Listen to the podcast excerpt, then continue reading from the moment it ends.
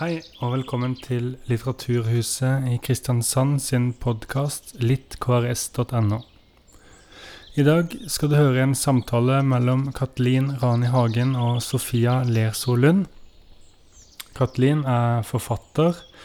Hun debuterte med romanen 'Grunnleggende plantediversitet' på Oktober forlag i 2018. Hun er en god venn av Sofia, som er manusforfatter. Og Sofia skriver manus for filmer og serier som f.eks. Twin og Heimebane. Ja, det var vel egentlig det jeg skulle si. Jeg kan si at jeg sitter i rommet her også når samtalen spilles inn, men jeg tror jeg klarte å være nokså stille. Ha en eh, god fornøyelse.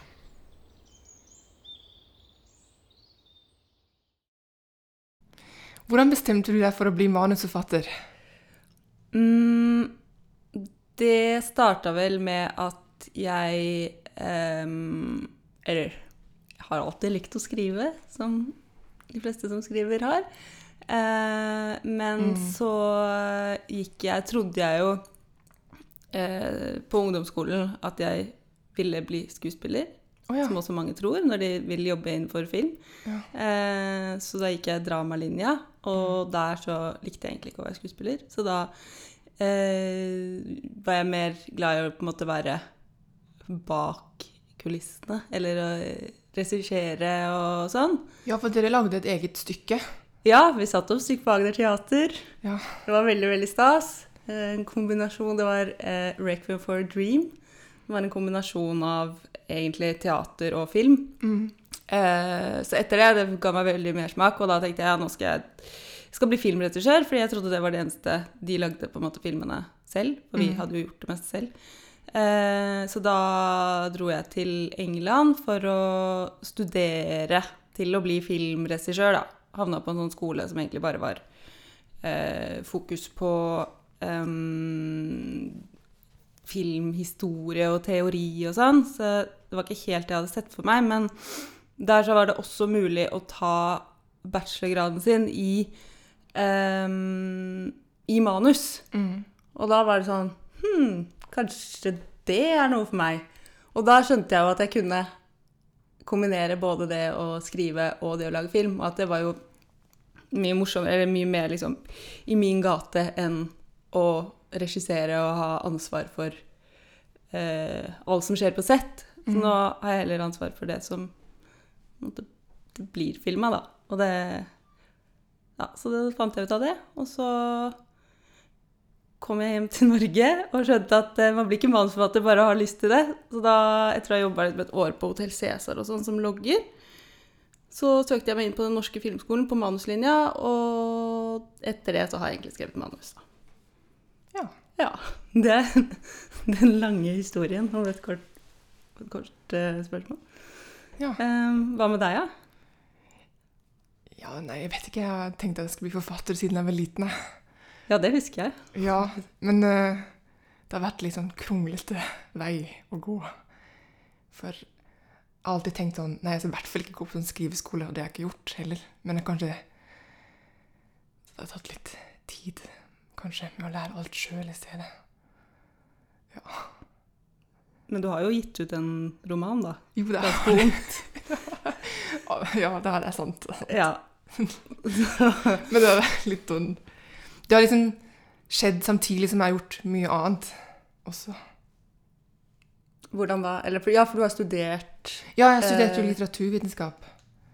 Men Ja. der lærer man jo ikke Der lærer man jo mest å lese. Eller det er jo det man holder mest på med der. Men jeg tror kanskje det hjelper en med å skrive også. Ja, det tror jeg òg. Ja. Man må lese masse. Samme med manus. Man må lese masse manus for å skrive manus. Ja, du gjør det, ja. Eh, jeg bør gjøre det. Ja. Jeg tror jeg hadde blitt mye bedre av å gjøre det. Men det er litt sånn tungt å lese det. Det er morsommere å lese bøker. Ok, Så du ville ikke sitt, sette, satt deg ned med et manuskript på fritida? Eh, jo, jeg har gjort det noen ganger. Så har jeg hatt sånn eh, mål om at jeg skal gjøre det. Sånn lese ett manus om dagen i 30 dager og sånn. Så kom jeg på dag to, kjøpte til og med iPad sånn at jeg skulle få det til. Fordi jeg hadde sånn unnskyldning at nei, jeg kan jo ikke lese manus på Mac-en. Kjøpte iPad. Ja. Eh, har ikke brukt den til det. Så det er sånn Det må man bare bli bedre på. Men det er jo Det er jo ofte liksom Det er noen manus som er veldig morsomme å lese, Mhm. og så bare komme på sånn? Breaking Bad er veldig Ja. sånn gøy skrevet, på en måte. Ja, Mens eh, veldig mye er jo litt tørt. Fordi okay. Eller det bør jo ikke være tørt, men veldig mye er jo det. Selv om det kan bli en bra film, så er det liksom et tørt manus. Så det er liksom tungt å komme seg gjennom. Pluss at jeg blir veldig fort eh, inspirert eller påvirka. Ja, så du slapper egentlig ikke av med å lese et manuskript? Nei, for jeg blir sånn Jeg burde gjøre det sånn, jeg burde gjøre det sånn. Ja. Som de gjør det. Ofte. ja, det kan jeg også føle av og til når jeg leser en god roman. Ja, for det er jo blanda. Dette er så bra!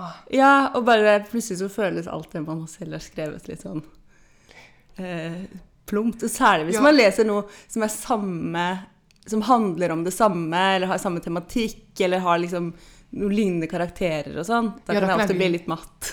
Ja, nei, jeg kan, jeg kan bli skikkelig stressa av Nei. Men jeg kan også bli litt stressa av å bare lese at det finnes en bok som handler om det samme som det jeg skriver. For jeg fikk en sånn katalog, i posten her forleden. Og så bare blar jeg gjennom den, og så leser jeg om de ulike bøkene som skal utgis i høst. Og så er det en bok som bare Wow, den boka der handler om akkurat mitt prosjekt! Hjelp! Da blir man stressa. Ja. Men sånn er det i filmbransjen òg. Man føler alltid at det er sånn hvis man holder på med en idé, så kommer det en eller annen film, eller i hvert fall en som man får høre om, ja. som, som handler om nøyaktig det samme. Ja. Og så blir man dritstressa, og så enten, hvis begge to blir noe av, noe som ofte ikke skjer, men hvis det skjer, så er, blir jo filmene helt forskjellige uansett. Selv om de har en liksom samme utgangspunkt. Så jeg tror egentlig man bare må ikke stresse så mye over det. Men noe som ligner litt. Men opplever du noen gang at du skriver noe, og så skjer det noe i virkeligheten som påvirker det du skriver? Mm, Fordi du skriver om et emne, og så skjer det noe. ja, det gjør det vel. Men da For, Har du noen eksempler på hvor, at du har opplevd? For jeg prøver Ja, å tenke på om jeg har det. jeg opplevde det nylig, for jeg skriver en roman om Svalbard, forskere på Svalbard. Og de går rundt der, og så blir de litt ustabile i psyken. For de blir litt ko-ko av bare være der under sola hele sommeren. Og så blir hun ene veldig veldig redd for isbjørn, og bare veldig veldig bekymret for det. Kanskje mer enn det man burde være. Og så plutselig så blir hun borte. Og så tror de andre at kanskje, kanskje hun har blitt tatt av isbjørn. Men det er hun ikke. Og så snakker de tilbake til en hendelse som er lenge siden, um, hvor det skjedde et isbjørnangrep. Og så skjedde det et isbjørnangrep på Salbu for noen dager siden. Da ble jeg helt sånn Hjelp, hva skal jeg gjøre nå med denne teksten? Den blir Da må du bare skrive den. Ja, Nå! men det blir jo helt sånn Da kan da Samtalene som de har om det forrige isbjørnangrepet De blir jo litt rare når det har skjedd et nytt angrep som er nå, som, er, sånn, som skjedde ja. for noen dager siden. Sant? Men det var bare et eksempel på at noen ganger skjer det noe i virkeligheten som gjør at skriving blir forandrer seg litt. Ja, at det på en måte enten føles mer relevant eller mindre relevant, på en måte. Ja, eller man tenker Oi, nå må jeg gjøre noen endringer. Ja. Men dette kunne også være en bra ting, tenkte jeg òg, fordi da kan man jo spille på at å ja, men hvis jeg later som dette skjedde for to år siden, denne romanen, så kan det også spille litt på at ja, for at leseren vet at det kommer jo til å skje noe Ja, om to sånn, års ja. tid. Ja, eller du kan ta det andre veien, at det er At det faktisk er litt inn i framtiden. At romanen er litt inn i framtiden, og at Ja. de snakker om det angrepet som skjedde nå. Ja, det kan man også gjøre. Men jeg har ikke tenkt på det ennå. Det er så nytt. Nei, men det høres ut som du må bruke det til noe, i hvert fall. Det var det jeg tenkte. Mm, men ja, jeg prøver å tenke på om det er noe sånn der typiske eh, Liksom At det har skjedd med meg, men jeg er ikke sikker. Det er jo noen ganger at jeg liksom At jeg har tatt utgangspunkt i saker som jeg har lest om i avisa, f.eks. Ja. Og da blir det jo en sånn naturlig utvikling med eh, lest i avisa. Hva da, for eksempel? For Nei, jeg har jo nå Jeg holder på med Eller jeg har holdt på dritlenge, men jeg, den er litt på vent nå, eller på is, eh, om de derre eh, sexfellesakene som var for Det var vel i 2014 eller noe sånt, hvor det var en gjeng med ungdommer som dreiv og eh, lurte menn i sexfeller. mm. Um, og pressa de for penger og trua liksom med å Eller de tok bilder av de og trua med å um, offentliggjøre det eller vise det til familien. Hvis ikke de fikk penger, da, så holdt de på kjempelenge. Mm. Eller tror de var vel sånn syv-åtte menn eller noe sånt som sto fram eh, til slutt. Eh, og de ble vel dømt, eller i hvert fall de to guttene ble dømt, men ikke jentene. Men da, den begynte jeg å skrive på mens saken var eh, Altså mens det var rettssak. Mm. Og det føltes jo litt sånn hvor, hvor nær virkeligheten skal man legge seg? Skal man liksom følge den saken akkurat som det er? For ofte så er jo ikke det så spennende. Nei. Men samtidig, hvis man er såpass basert på en ekte sak, så må man jo forholde seg til den også. Mm. Men det jeg syns var enda vanskeligere med den filmen der, da, var jo når metoo kom. Ja. Fordi da var jeg sånn OK, hva er det egentlig denne filmen sier? Ja. Eh, for da må man jo plutselig Oi. Da, da ser man den i et nytt lys, eller Ja, man, ser, ja man, på en måte, ikke at man skal passe på mer hva man sier, men det, det havner jo en helt ny kontekst, mm. liksom. Ja. Så jeg har ikke klart å skrive noe på den etter det, fordi jeg bare føler at hvis jeg skal det, så må jeg bruke den til å si noe nytt og viktig. Jeg har ikke helt funnet ut av hva det skal være ennå. Nei. Det kan ikke bare være en sånn ungdoms-craziness-film, Nei. som det starta som, da. Oh, ja. um, ja, så det var Det ble jo påvirka, egentlig, av Ja. det. Av verden rundt. Ja. Ja. mm, men bare sånn tilbake til Mm. din skriving, da. Ja. Hvordan, eh, hvordan er på en måte en Eller hvordan er det du Hvordan er hverdagen når du skriver, når du holder på med å skrive? For du holder på med en ny roman nå, blant andre mindre oppgaver, så vidt jeg har skjønt. ja, eller jeg holder på med flere romanprosjekter på en gang nå. Oh, ja! Ja, også litt mindre prosjekter òg. Det syns jeg er en veldig fin måte å skrive på, fordi litt da jeg skrev den debutromanen, så holdt jeg bare på med den. Og når det ikke gikk, eller når man Eller da den var levert inn, og jeg holdt på med den på slutten, så ble jeg liksom gående og vente på å få respons på den, det, ja, det utkastet. Eh, og så ikke gjøre noe mens jeg venter på utkastet. Og jeg sånn limbo ja, limbo. Jeg syns det er litt sånn Det blir litt kjipt, for da er det jo masse tid som du ikke har brukt til noen ting, egentlig. Og så blir man så opphengt i akkurat den teksten når den blir utgitt. Så det tok så sykt lang tid å starte på noe nytt. Um, så nå holder jeg på med flere ting, sånn at den isbjørnromanen, den kan bare Den kan Ting kan skje Du kan med den. marinere litt. Ja, mens jeg gjør noe annet. Sånn at jeg kan bare glemme den, og så kan jeg holde på med noe annet. Så det holder jeg på med nå. Eh, Men det er liksom én ting om gangen. Når, når jeg har levert et utkast som noen skal gi tilbakemelding på, så hopper jeg over på noe annet. Så det, det, blir jo, det er jo ikke sånn at jeg holder på med to forskjellige, eller forskjellige ting annenhver dag, eller liksom flere ting på en dag. Det er liksom Det er kanskje en uke på ett prosjekt, og så en uke på et annet prosjekt. Mm. Ja. Det er litt deilig å veksle mellom ting. Eller jeg Ja. det er det beste, men bare som du sier, hvis det er sånn flere på én dag, da får jeg ikke gjort nesten noen ting, Nei, jeg. det kan være litt vanskelig. Men det der hvis man bare sitter med et prosjekt i uke etter uke etter måned etter måned, så blir det så innmari viktig. Ja. Mm. Eh, og det husker jeg også en av de lærerne på filmskolen som sa, det var noe av det første de sa, at du må alltid ha et nytt prosjekt på gang når filmen du har skrevet har premiere, fordi du kommer til å hate det uansett. Og Ja, da, hvis alt på en måte står og faller på at det skal bli en suksess, så er det du kommer til å bli skuffa uansett. Enten om, for hvis det blir bra, da, så er det også en sånn eh, Den der tomheten etterpå. Ja, At du bare Å ja, det var bare det, det var bare det. Det var gode anmeldelser, og så en uke etterpå så er det sånn OK, hva nå, liksom? ja, eller man kan liksom få Man skal leve opp til seg selv. Kanskje det kan også være Ja. Ja, at man må toppe det. ja.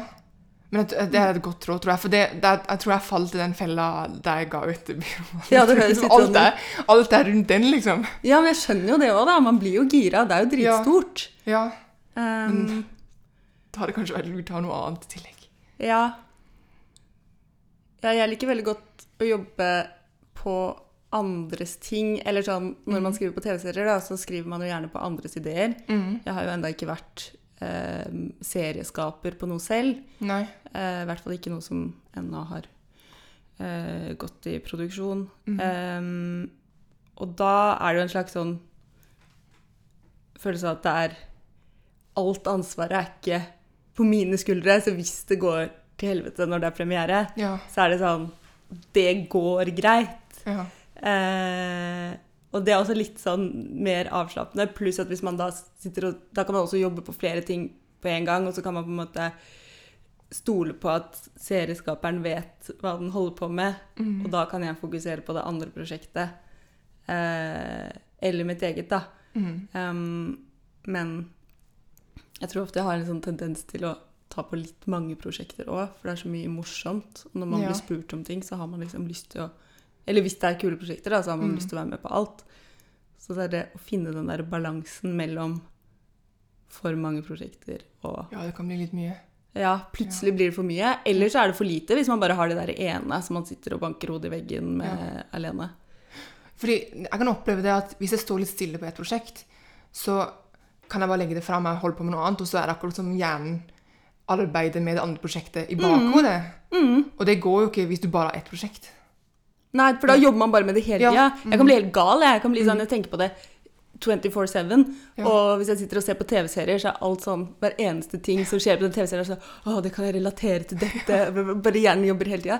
Så det er eh, Jeg tror ikke det er helt sunt. Nei. Eh, Det, og det blir stort sett ikke så veldig mye bedre heller, når man bare fokuserer på den ene tingen. Nei. Mm. Men hvordan, bare sånn helt spesifikt, da, hvordan er det Står du liksom opp og jobber? Prokrastinerer du mye? Jeg føler du er en sånn som ikke prokrastinerer. Du er bare sånn der, du bare setter deg ned. Du er sånn som han derre Det er mange som tror det, men det, det er ikke sant. det bare ser sånn ut. Men jeg prokrastinerte mer før, kanskje, men nå har jeg fått en baby. Eller han er gammel, han er ikke så liten lenger, han er ett år. Men etter at han ble født, så har det blitt litt sånn at når jeg først har tid, så må jeg bare, da må jeg bare skrive. Jeg kan ikke sitte, holde på med noe annet. Fordi tiden har blitt så Å nei, knapp. Um, og det er også Eller han At han Det har blitt litt annerledes etter at vi fikk han, da. For nå er det sånn at vi, jeg og min mann jobber an, halve dagen. Sånn annenhver dag. Sånn at en dag så har jeg morgenen, og så neste dag så har jeg ettermiddagen. Um, det funker veldig bra.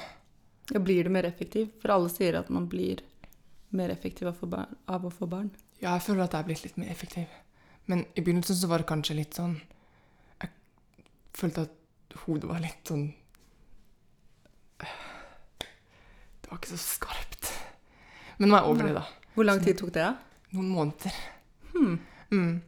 Men ja, tilbake til den der vanen.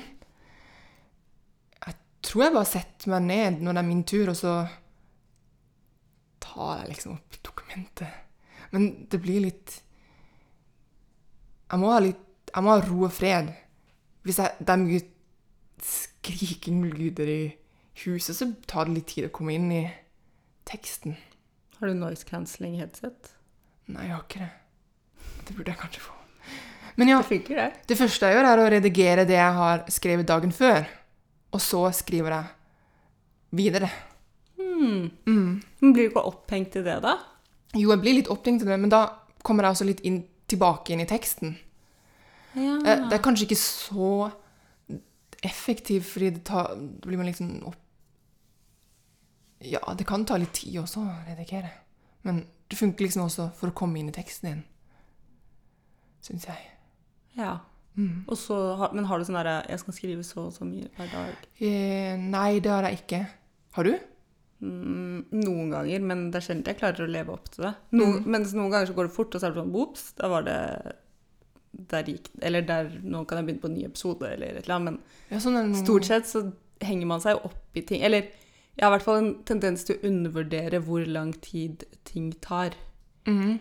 At jeg tror at «Ah, det er bare skriver, altså, skriver den scenen på Det går kjempefort, og så ja. kan jeg gjøre neste og neste, og så bare Det slår nesten alltid feil, for det tar nesten alltid lengre tid. Ja. um, I hvert fall syns jeg det. Men hvordan er din hverdag? Mm, En vanlig dag? det kommer veldig an på om jeg jobber sammen med noen i et skriverom eller for meg selv. Mm. Hvis jeg jobber i et skriverom, så er det jo gjerne at man eh, møtes liksom klokka ni, og så babler man der. Eh, jeg syns det er veldig digg da, fordi ofte så har det jo skjedd mye siden sist gang man møttes dagen før. Mm. Da har vi en sånn derre eh, innsjekk. Eh, Jeg husker ikke hvem som kom på det, eller som introduserte meg for det, men det er i hvert fall veldig sånn digg, for da, da går man liksom en runde, og så er man sånn Hva har skjedd? Har det skjedd noe nytt? Har det skjedd noe dritt? Er du, hvordan er humøret, liksom? Sånn at man bare får det ut av systemet. Mm, og så er det jo gjerne at man da jobber eh, på tavla sammen og babler, babler, babler hele dagen og Mm. eh, skriver. Og, ehm, og så blir man kjempesliten klokka tre, og så holder man på to, to timer til, og så kommer man hjem. Og det, jeg syns jo egentlig det er det diggeste, fordi jeg er veldig god på å prokrastinere når jeg sitter og skal skrive selv. Mm. Eh, da er det veldig mye nyheter og Finn og alt som på en måte er er jo mer interessant enn å presse seg gjennom den skrivinga. Ja, men du har jo fortalt meg før at du har sånn internettlokk eller noe. Ja, men jeg har også mobiltelefon. Ok. Så det er sånn Jeg kan være sånn OK, nå er det self-control. Veldig bra app. Uh, nå er det self-control 100 Altså, jeg må bare sjekke den derre uh, støkeordet på Finn bare en gang til på mobilen. Og så gjør jeg det, da. Og så er det en ny halvtime. Vet du hva jeg gjør noen ganger? Jeg sjekker Twitter på datamaskinen, så, og så tenker jeg men nå må jeg sjekke Twitter på telefonen. Ja, ja, men det er sånn. Det er helt utrolig. Og så vet man at det er så dumt. Men det bare Hvis man ikke vet Jeg tror det handler om at hvis man De gangene jeg har sånn press på meg, at jeg vet at ok, men jeg må levere en eh, episode innen i morgen klokka da og da, eller at nå nærmer det seg eh, opptak eller et eller annet sånt, Mm. da klarer jeg å fokusere. Da kan jeg fokusere i ti timer i strekk. Ja. Men når det er sånn litt mer sånn løst sånn Jeg skal levere noe om tre uker. Mm. Um, jeg kan godt sitte og lese andre ting fram til klokka tolv. Mm. Da gjør jeg det. Ja, jeg kjenner igjen det. Det er litt digg òg, da. Nei, Jeg vet ikke. Men det er liksom, når man skriver en roman, så er det så veldig mye på seg selv. Det er Ja. jo ingen som krever noe. ikke sant? Den romanen kommer jo fra meg. Det er jo ingen som ber om den romanen. Ja, det er sykt imponerende å klare å, å holde, å liksom holde struktur da. Ja, det er litt vanskelig. Men hvordan klarer du det? Er det fordi alt på en måte Eller må det være lystbetont? Eller kan, klarer du på Eller du må jo også klare å presse deg gjennom de tingene som er dritt å skrive òg, men, men jeg føler ofte hvis det er noe som er vanskelig å skrive, at da er det mye vanskeligere å eh, presse seg gjennom det. Ja, det er liksom mange forsøk. Det er sånn, den romanen, en av romanene som jeg holder på med nå, det kan virke som det er et første utkast da jeg, da jeg leverte den til min redaktør for noen i, i våres. Men det er jo egentlig ikke det. Det er liksom to andre utkast før det som var helt annerledes. Men liksom, jeg måtte liksom skrive de før jeg klarte å komme til den tredje. Men hvis man ser Hun har jo lest alle de tre, og de er jo helt, veldig forskjellige. Men jeg tenker at det er samme prosjekt. Men da er det jo tre utkast, da. Ja, men de er veldig forskjellige i formen. Men har du da levert inn til henne, og så har du fått tilbakemelding, og så skrevet et nytt utkast på bakgrunn av det? Eller er du Ja, nesten selv bare et helt nytt. Så nesten en ny bok. Ja, nesten en ny bok. Men ja, som kan virke som en helt ny bok, men det, det er egentlig ikke det. Det er fordi at jeg bare skrev den andre først, og så ble ikke det så bra. Men da har du vært igjennom Jeg tror ofte det er det der Jeg syns det er dritvanskelig å komme seg gjennom førsteutkastet ofte. Det er det tyngste. Mm. Og så når man har gjort det, så er den Ikke at det er lett å redigere, men det er et eller annet med at man bare har det dokumentet. Mm. Og selv om det blir helt Altså kjempestore omveltninger, så har man i hvert fall det der grunn, eh, den grunnstrukturen. Eh, Mm. Men det er det å komme seg gjennom førsteutkastet som ofte er den det, det er da det blir mest prokrastinering, for å si det sånn. Ja. For da har du liksom ikke noe å klamre deg til. Nei. Og så er det så skjørt. Det er liksom sånn Eller jeg er alltid veldig redd for at det skal gå At det skal gå feil retning. At jeg skal velge feil retning, f.eks. Ja. Um, og hvis jeg da uh, Og det er jo egentlig helt tullete, fordi man kan jo bare gå tilbake. Man kan jo bare slette igjen. Men Det er akkurat med at man liksom skal lure hodet sitt til å tro at ah, nå går jeg i riktig retning, og så er det egentlig feil. Mm. Og det gjør at da er det ofte bare lettere kanskje å ikke skrive det. Ansett meg. Men eh, ja, jeg har i hvert fall tenkt at det kanskje er litt det. Og det er derfor man kanskje må bare Eller det er mange som gir det der rådet, bare fortsette å skrive selv om det er tungt, og selv om det er du merker at det er noe feil, så må du bare fortsette. fordi hvis du mm. hele tida skal gå tilbake og pirke på det du har um, skrevet på, så kommer du deg på en måte aldri gjennom. Nei. Men uh, Ja, man må liksom slåss med en sånn der stemme som sier 'alt er så dårlig'. Ja! Hele tiden. Uh, Hvis den bestemmer, så får du ikke skrevet noen ting. Mm -mm. Det, det er sant. Men kjenner du mye på den? Ja, noen ganger så gjør jeg det. Ja, gjør du? Eh, ja. er det noen forfattere som ikke gjør det, eller? Nei, Det er vel ikke det. Da er du ikke ekte forfatter.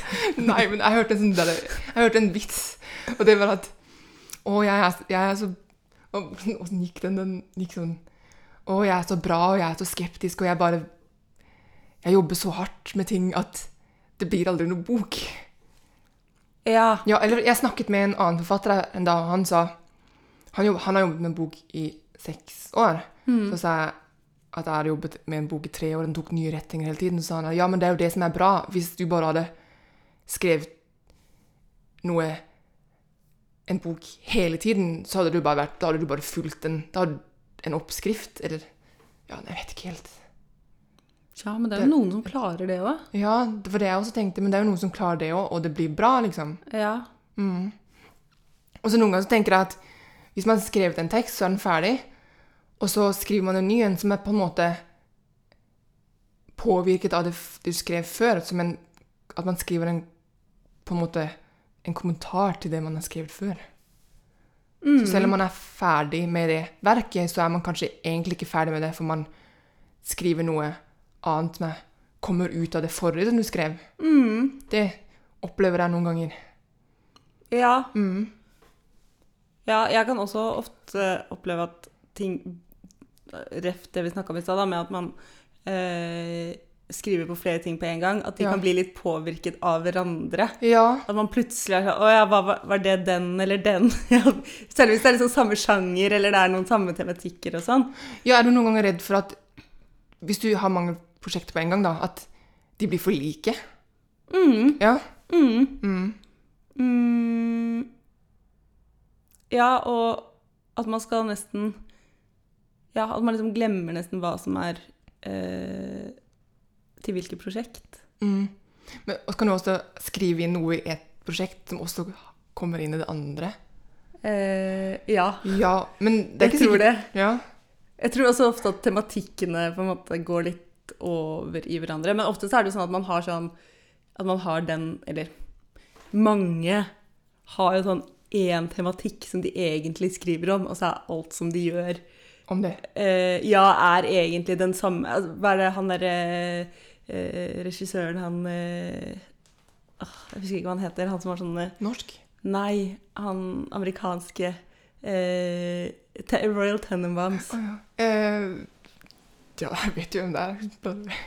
Ja, husker, det er ikke så viktig hvem han er, men han fall Jeg har i hvert fall hørt at han er sånn eh, Han har egentlig bare én historie, Ja. som er, handler om hans barndom. Mm. Og så er alle filmene egentlig den samme historien, Ja. men de er bare gjort på helt forskjellige måter. ja. Eh, så derfor så funker det likevel. Mm. Men at kanskje man egentlig har én sånn derre grunnhistorie eh, i seg som man bare må fortelle. ja, føler du at du har det? Ehm, ikke sånn Ikke en historie, men jeg føler det er sånn Det er mange sånne karakterer og eh, Og ehm, temat... Eller sånn konst, Karakterkonstellasjoner som går igjen. Mm. Som er sånn mor og datter er det veldig mye. Eh, og så er det veldig mye sånn Mor og datter truet av staten. Å, Eh, ok. og så det sånn Hvor kommer dette fra, egentlig? Jeg, har, jeg klarer ikke å skjønne hvorfor. Men eh, det er veldig det, er, det, det kommer ofte opp, da. Og så er det sånn, så kan jeg sitte og sånn, sånn, eh, ta meg selv hvis jeg sitter i et skriverom eller noe sånt. Sånn, Hva om moren liksom kommer inn, og så blir det et problem? Eller er det bare akkurat sånn alltid er der? Jeg vet ikke hva det kommer av. Har du noe sånt? Det, sa, ja, det samme temaet? Ja, nei Jeg tenker faktisk også veldig på mor og datter eh, for tiden. Er Et av mine prosjekter er, er det. Ja. Men eller, jeg har et sånn tema som jeg har skikkelig lyst til å skrive om. Og så Hver gang jeg prøver å skrive om mor og datter-tematikken, så blir det alltid noe annet. Sånn at jeg, hver gang jeg skriver, så, så sier jeg dette her blir endelig den boka om mor og datter, men så blir det noe helt annet. Tenker jeg, ja, ok, da får det være neste gang, da. Og så neste gang så prøver jeg dette, dette blir mor og datter-tematikken. Nei. Så, fordi det ender av at alt i hoppen blir noe annet, så jeg føler alltid at jeg fortsatt har noe mer å si om den tematikken. ja, men du får liksom aldri satt den helt ut i Nei. livet. Ja. Mm. Så rart.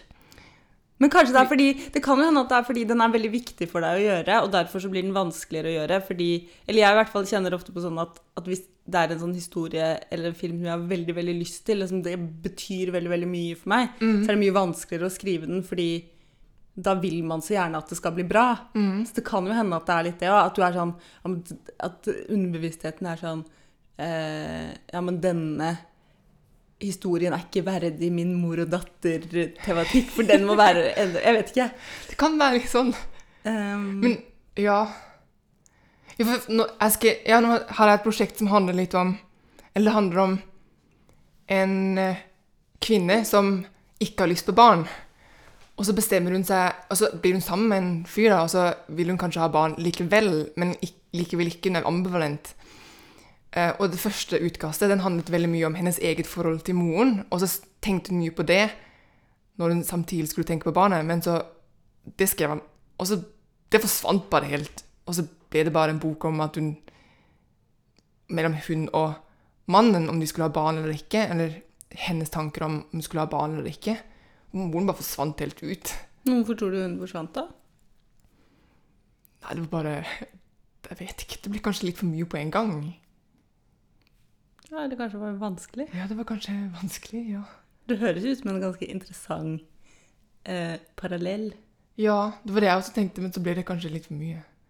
Men det, hun forsvant bare naturlig ut, hun moren, så vekk nå moren. Og så nå begynner jeg på, ny, begynner jeg på et nytt prosjekt. Det skulle også handle om moren, mis, miskommunikasjon med moren. Men så ble det plutselig bare til at hun, hovedpersonen hadde miskommunikasjon med en partner i stedet. Så forsvant moren helt ut. Så den moren, hun Men da handler begge de bøkene om miskommunikasjon med partner, da. Nei, det, ja, kanskje det er min Kanskje det er det Det er din. Er ikke det, er ikke det romanen din også, da? Det første jeg gjorde, Ja. handler jo om det! Det var, OK, det er, det er jeg besatt av. Ja, det må Det er the one and only. Nei. Det er ikke the only, men det er the one. Det hadde ikke jeg tenkt på at det er det jeg er besatt av. Nei, Kanskje er det. på at den har for meg for meg nå. Men jeg husker på filmskolen så var det veldig sånn de, Nesten alle filmer, eller det er sånn hvert år, da, eller annethvert år så kommer det ut filmer derfra, og da er det jo Halvparten av filmene er jo sånn enten far-sønn, eller mm. mor-sønn, eller mor-datter, eller noe sånt. Ja. Så jeg tror Og det handler jo sikkert om at de regissørene har det at, Eller at veldig mange har den historien, at man vil fortelle om en sånn eh, eh, Eller at det kjennes viktig, da, Mm. på en eller annen måte. Men det er jo ikke så ofte at de filmene kanskje blir sånn veldig spennende. Fordi det handler vel kanskje ofte om Eller kanskje det er liksom vanskelig å beskrive liksom sin egen Eller fordi- ja, jeg vet ikke. Jeg vet ikke helt hva jeg skulle si. Men jeg bare Ja, Det er bare interessant at alle er eller veldig mange er veldig opptatt av det, men det er jo ikke så ofte det blir så vellykket alltid. Og det er vanskelig òg. Å gjøre det interessant. Ja Det er jo Knausgård, da. Det handler jo bare om far. Ja, men det er knausgård. Nei da. eh, jo, jo, men det er jo mange som klarer det òg. Men jeg bare Mm. Jeg vet ikke. Men jeg tror bare Jeg bare føler kanskje på filmskolen da, at, han- at grunnen til at det kanskje ikke alltid går så bra, er at man Ja, at de har, har så lyst til å fortelle den historien. Og så skal man gjøre det sammen med masse andre folk, og så klarer man på en måte ikke å få Men- fram det som er det egentlige liksom, hjertet i det. Jeg vet ikke. Ja, At det var det bare Ja. Jeg vet ikke. Mm. Tanker. Men i litteratur nå, i samtidslitteraturen, så er jo ofte ting en tendens til å være tett opp til forfatterens eget liv. Mm. Tror, er det litt sånn i film også, eller? Mm, det er vel begge deler. For det er jo um, føler kanskje det er sånn 50-50, for det er veldig mye som er sånn helt Altså uh, sånn markedsfilmer og sånn, og disse katastrofefilmene Bare i norsk, norsk film, da, så er det jo veldig mye som ikke kjennes så veldig nært.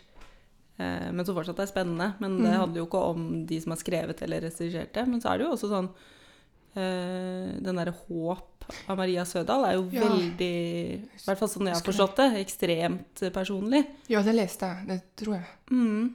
hun sa i et intervju. Ja. Ja, jeg tror det. Så man, det er jo rom for det. Men Mm. det er jo Ofte så jo- har jo ikke folk så innmari spennende Liv. liv at Mm. de er verdt å bruke mange, mange millioner på å fortelle om.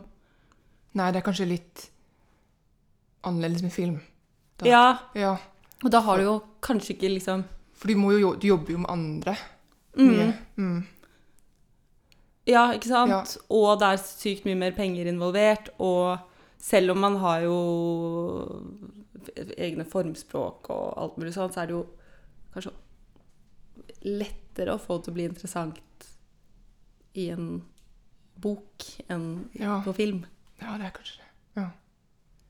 Men samtidig så syns jeg jo sånn som den, den derre eh, serien eh, I May Destroy You er jo veldig Og den har vi nettopp begynt å se. Ja, den er, den er dritbra. Men den, Er den selvbiografisk? den er selvbiografisk. Oh, ja. Den handler jo om henne etter at Så vidt jeg har skjønt, da, så handler det om henne eh, etter at hun blir eh, Etter at hun har laget sin første TV-serie.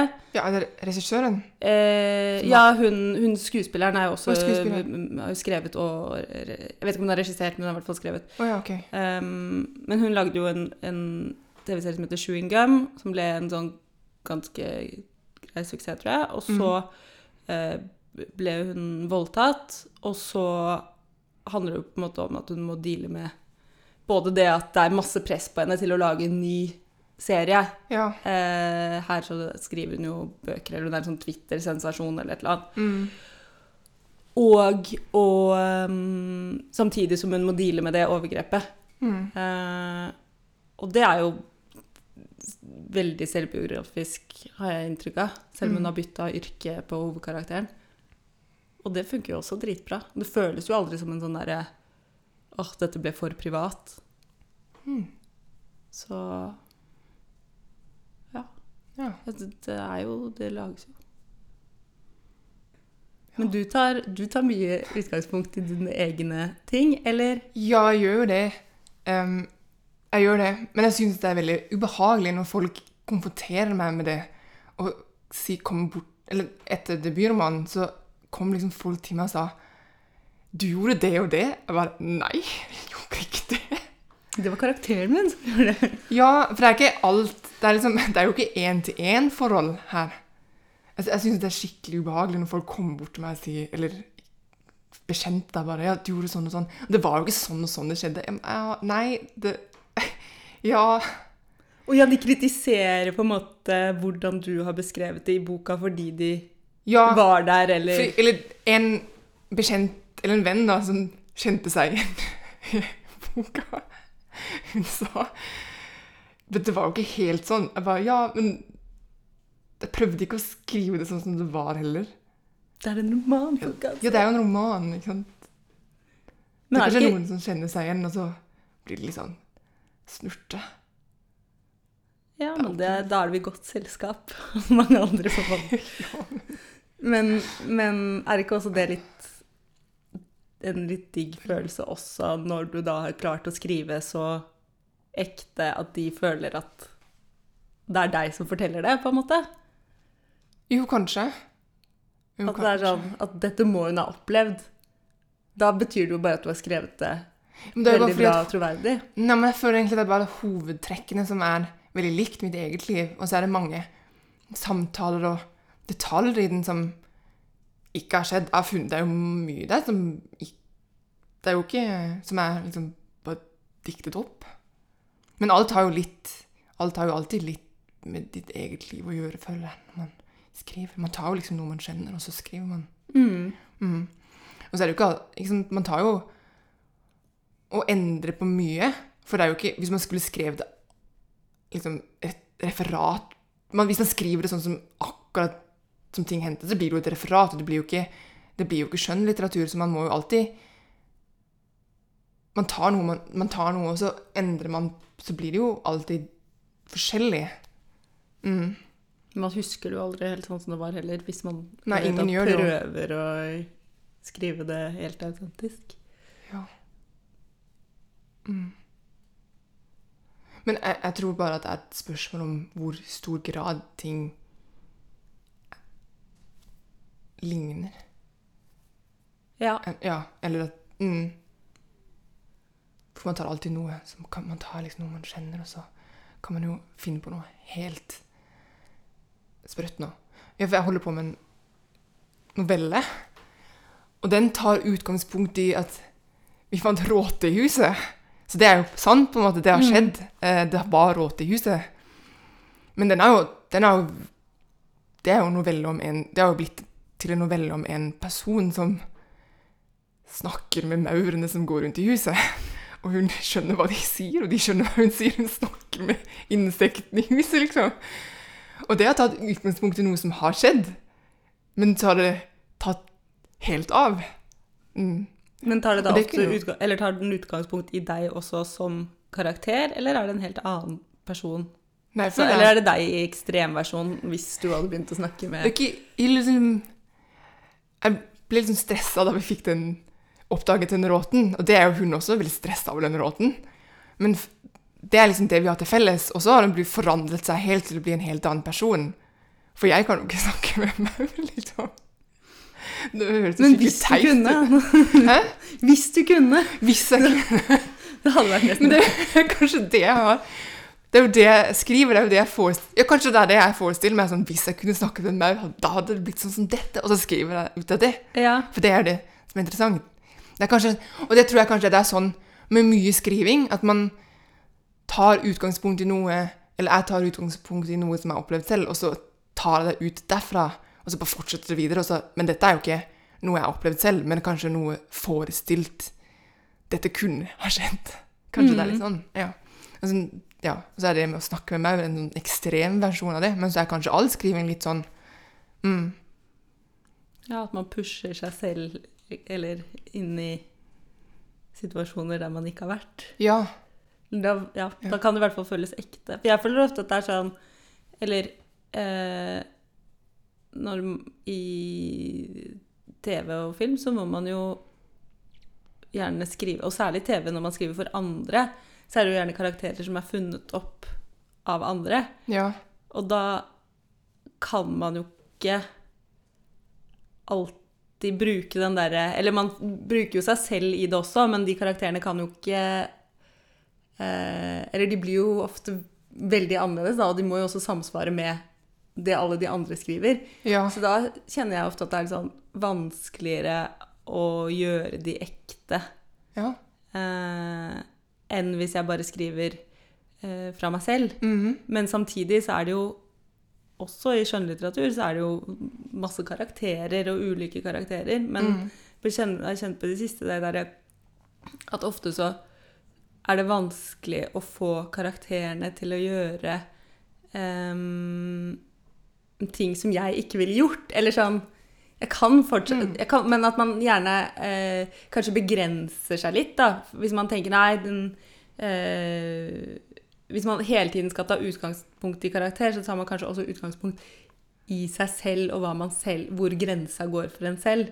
Ja. Eh, og så er det av og til vanskelig å tenke at ja, men for denne karakteren så kan jo grensa gå et helt annet sted. Ja. Eh, at man, I hvert fall at man glemmer det litt.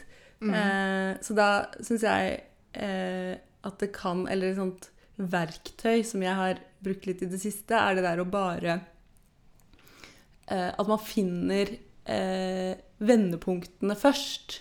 Mm. Eller liksom de five key moments da er jo gjerne i, i hvert fall i film, men også TV-serier, og jeg tror kanskje det ofte finnes i eh, skjønnlitteratur òg.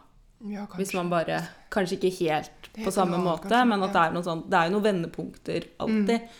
Eh, men at man mm, Hvis man får på plass de først, da Og så er det, Ja. handler det mer om å da få karakteren til å komme til de vendepunktene, i stedet for at man For jeg har alltid tidligere jobbet ut ifra at man skal måtte, Vendepunktene skal komme fra karakteren. Mhm. Eh, men det har vært ganske interessant å jobbe på den måten her. Det var bare en sånn workshop jeg var på, som, Ja. eh, der de brukte det. Og da går det ofte mye fortere å finne ut av historien. Å ja. Um, så det vil jeg anbefale du, med boka, hvis du liksom okay. bare står fast i OK, hvor er eh, hva, er hva skjer i midten her? Hvor er det det vender? Ja. og sånn, så kan det bare være Det er liksom mindre begren eller færre begrensninger. Ja.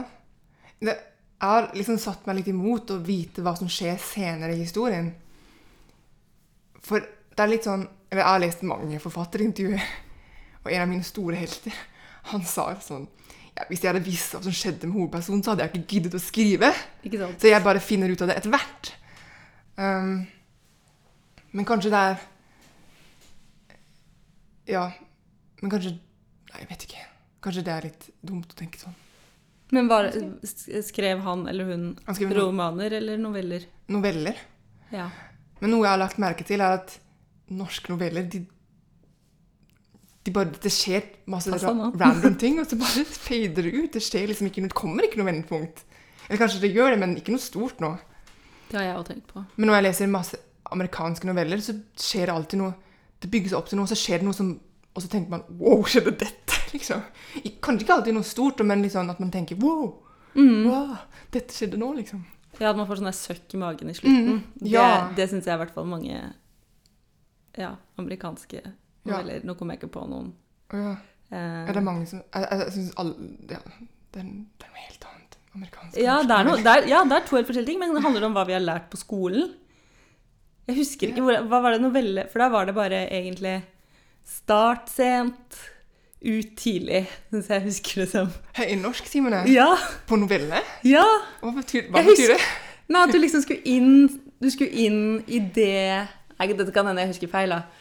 Men at du skal inn i det på en måte historien eh, starter. Du har ikke noe sånn status quo først. Du har ikke noen sånn tilstand. Det er bare sånn pff, vendepunktet.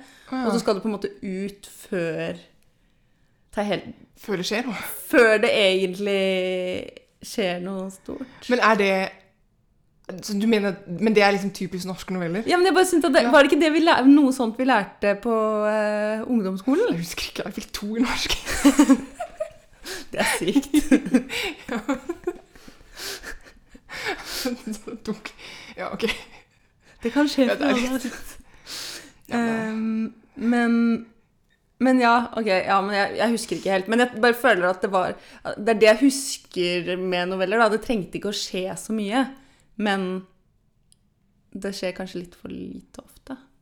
Ja. Ikke alle, Men- da, men jeg har lest kjempemange amerikanske noveller i det siste, hvor jeg bare må finne ut av hva er det som gjør det så mye bedre. Det er ikke som om alt som skjer, betyr noe. Men se, norsk, norske noveller, ofte, så er det bare Det er ikke alltid så Det er litt sånn Det føles av og til ut som det bare er noe tekst der, og så betyr det egentlig Fine ord, liksom, eller Ja. fine setninger. Ja, men det er lenge siden jeg har lest norske noveller nettopp fordi at jeg ble så lei. Så jeg vet ikke helt. Mm. Men på en, på en annen side Helle Helle. Vet ikke om du Jo, jeg har lest eh, sånn en, en bok, jeg husker ikke hvilke. Uh, Der sier du ikke så mye, og det, det syns jeg er dritbra. For det skjer mest nesten ingenting. Du drikker bare kaffe, og det er dritfint. Jo, men jeg skal vedde for at det fins en sånn derre Det fins sikkert en slags dramaturgi der òg. Ja. Bare veldig, veldig små vendinger. Men hvis ikke så hadde man jo ikke giddet å lese. Man, man er jo spent der òg. Eller man, man er jo spent på at noe skal skje. Mm. Ja. Og, for, og når man orker å lese hele veien, så må det jo være fordi den gir noen drypp underveis. Eller en slags sånn ja. Kanskje det er det som gjør den bra, at man ikke helt skjønner hvorfor. Ja, man vil ha svar. Ja.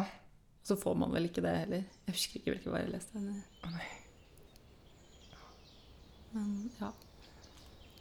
Mm. Jeg må bare ha litt drikkepause.